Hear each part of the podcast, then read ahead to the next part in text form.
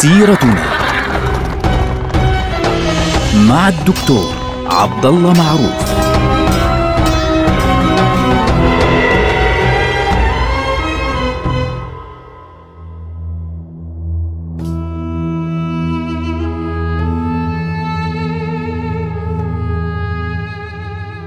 السلام عليكم ورحمة الله وبركاته. سيرتنا سيرة هذه الأمة ونحن الآن في عهد الدولة العثمانية وتحديدا في عهد السلطان محمد رشاد. الدولة العثمانية دخلت في حربين عنيفتين، حرب البلقان الأولى وحرب البلقان الثانية.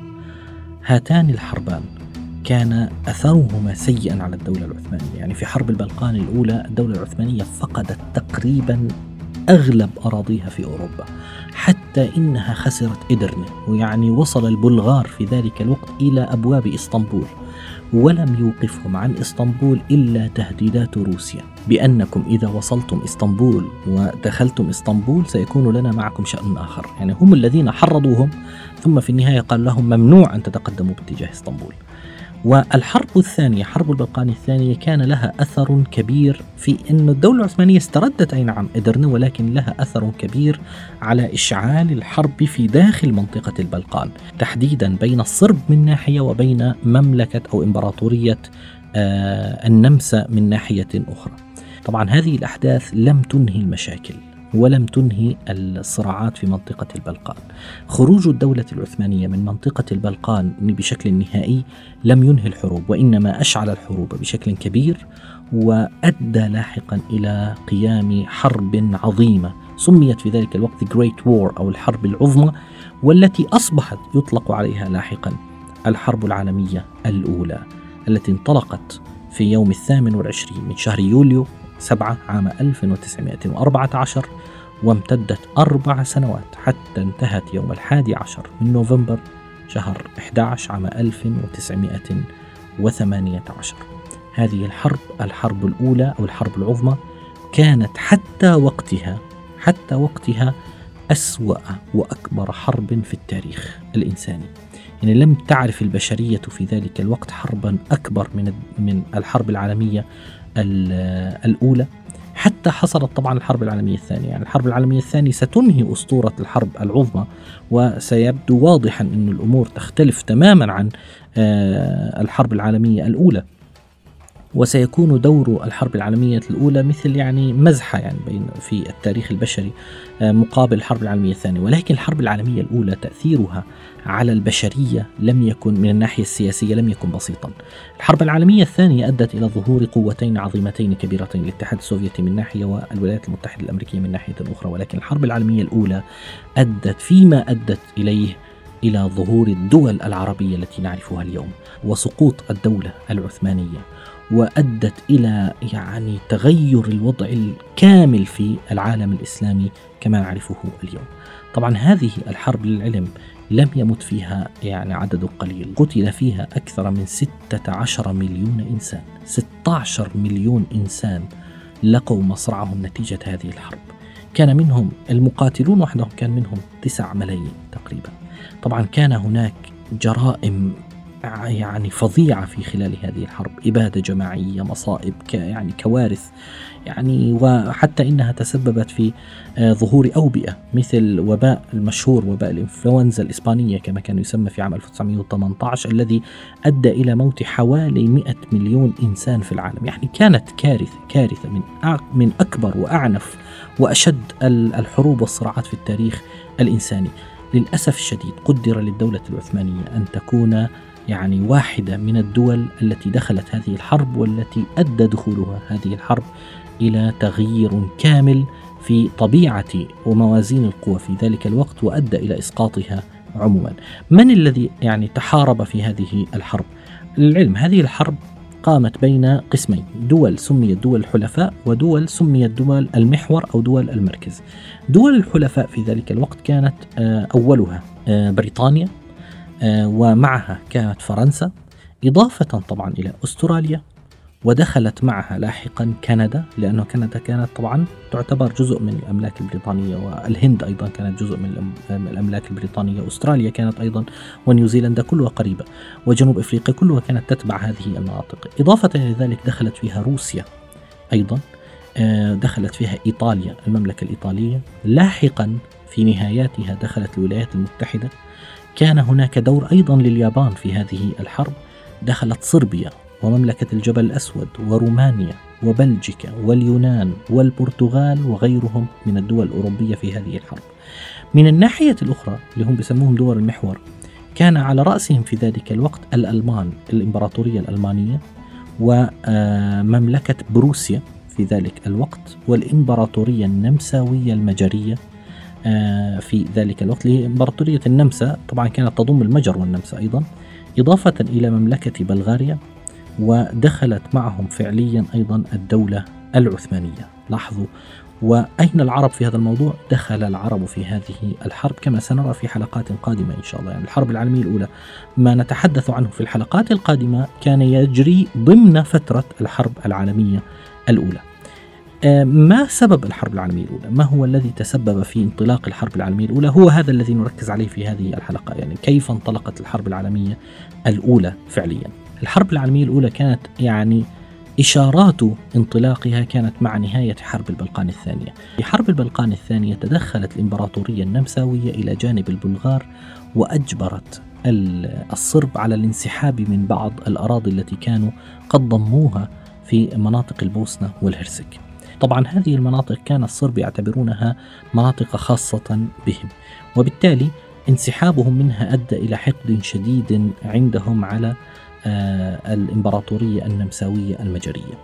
تصاعد الأمر حتى وصل إلى الذروة يوم الثامن والعشرين من شهر يونيو اللي هو شهر ستة من عام 1914 كان ذلك في أثناء زيارة آه، ولي العهد النمساوي فرانس فرديناند وزوجته كانوا في مدينة سراييفو. سراييفو طبعا عاصمة البوسنة والهرسك نعرفها اليوم. أثناء هذه الزيارة وتحديدا في الساعة العاشرة وعشر دقائق صباحا اقتربت سيارة ولي العهد من الشارع آه الذي سيمر فيه. فهناك تنظيم من الصرب كان قد أنشئ في ذلك الوقت كان يسمى تنظيم اليد السوداء. كان قد أنشئ فعليا للدفاع بين قوسين عن مصالح الصرب في منطقة البوسنة وفي منطقة آه، البلقان بشكل عام. آه، هذا طبعا يتكون من عدة أشخاص لكن هناك شخصية أساسية هي التي تسببت في هذا الأمر.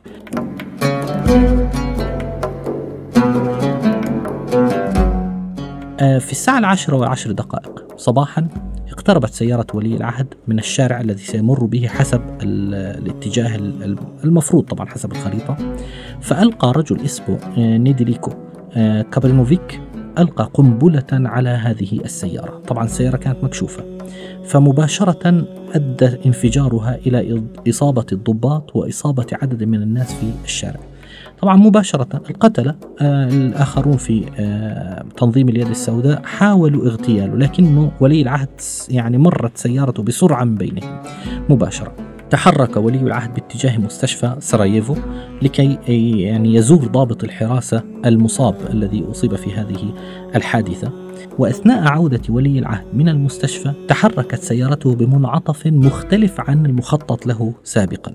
لاحظتوا يعني كان المفروض أنها تمشي بمسار فانعطفت في مسار آخر بشكل يعني غير آه، متصور. ليش؟ أو بالخطأ.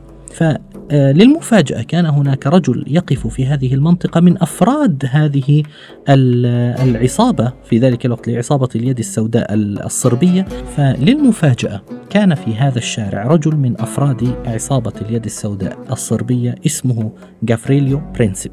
هذا الرجل رأى موكب ولي العهد يتحرك باتجاهه فاستغل الفرصة مباشرة فأمسك بمسدسه وأطلق رصاصتين على ولي العهد فأصاب ولي العهد بالرصاصة الأولى مباشرة في الرقبة وأما الطلقة الثانية فقد أصابت زوجته اللي هي كان اسمها صوفي وجرحت في بطنها. طبعا عملية الاغتيال هذه كانت آه الشرارة التي ستؤدي إلى بداية الحرب مباشرة. طبعا هذا الاغتيال أدى إلى حرب دبلوماسية بين النمساويين من ناحية وألمانيا وروسيا وفرنسا وبريطانيا وهذه حتى الأزمة لها اسم على فكرة اسمها أزمة يوليو يسمونها. وهؤلاء يعني كانوا يريدون إنهاء التدخل الصربي في البوسنة ف طلبت الإمبراطورية النمساوية من مملكة صربيا عشرة مطالب قالت نريد منكم واحد اثنان ثلاث أربعة. وهذه المطالب كانت مطالب أصلا قدمت لكي يرفضها الصرب. يعني حتى يعني تثير الحرب ضد الصرب لأنه مطالب فيها إهانة للصرب. فوافقت صربيا على ثمانية من هذه المطالب العشرة. مباشرة بمجرد ما يعني وصل الرفض لمطلبين فقط من هذه القائمة من قائمة المطالب أعلنت الإمبراطورية النمساوية المجرية الحرب على مملكة صربيا يوم الثامن والعشرين من يوليو من عام 1914 طبعا روسيا بمجرد ما وصلت الأخبار بإعلان حرب بين النمساويين والصرب مباشرة آه، أعطت الأوامر بالتعبئة العامة لقواتها وبالمقابل ألمانيا عبأت قواتها ف آه، ألمانيا أرسلت إنذارا إلى روسيا. يعني تقول لهم سرحوا قواتكم وإلا سنعلن عليكم الحرب خلال 12 ساعة. فروسيا مباشرة أرسلت إلى ألمانيا مجموعة من الشروط. إذا أردتم أن نوقف التعبئة العامة عليكم أنتم أن توقفوا التعبئة العامة وتفعلوا واحد اثنان ثلاثة أربعة. فرفضت ألمانيا هذا التفاوض وأعلنت الحرب ضد روسيا في الأول من شهر أغسطس من ذلك العام.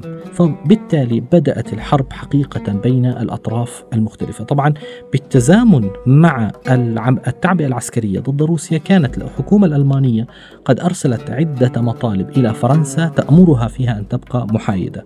فالحكومة الفرنسية رفضت ذلك وبدأت التعبئة مباشرة وأمرت قواتها آه، يعني أن تتجنب الحوادث. ولكن يوم الثاني من أغسطس هاجمت ألمانيا آه، منطقة لوكسمبورغ. وبعدها بيوم واحد أعلنت ألمانيا الحرب على فرنسا. وفي اليوم التالي يوم 4 أغسطس رفضت بلجيكا. السماح للألمان بأن يعبروا حدودهم باتجاه فرنسا مما أدى بألمانيا إلى إعلان الحرب على بلجيكا.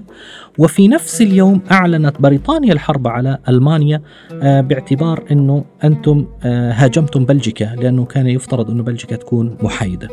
لاحظوا هكذا بدأت الحرب وهذا أعلن الحرب على هذا وهذا أعلن الحرب على هذا وهكذا بدأت الحرب العالمية الأولى.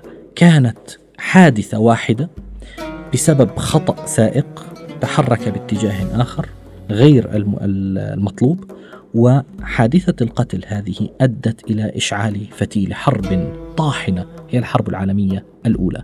طبعا ستدخل الدولة العثمانية في هذه الحرب وسنذكر ذلك في حلقة قادمة إن شاء الله وستبدأ هذه الحرب بأخذ طابع خطير على مستقبل الدولة العثمانية للأسف. نلقاكم على خير والسلام عليكم.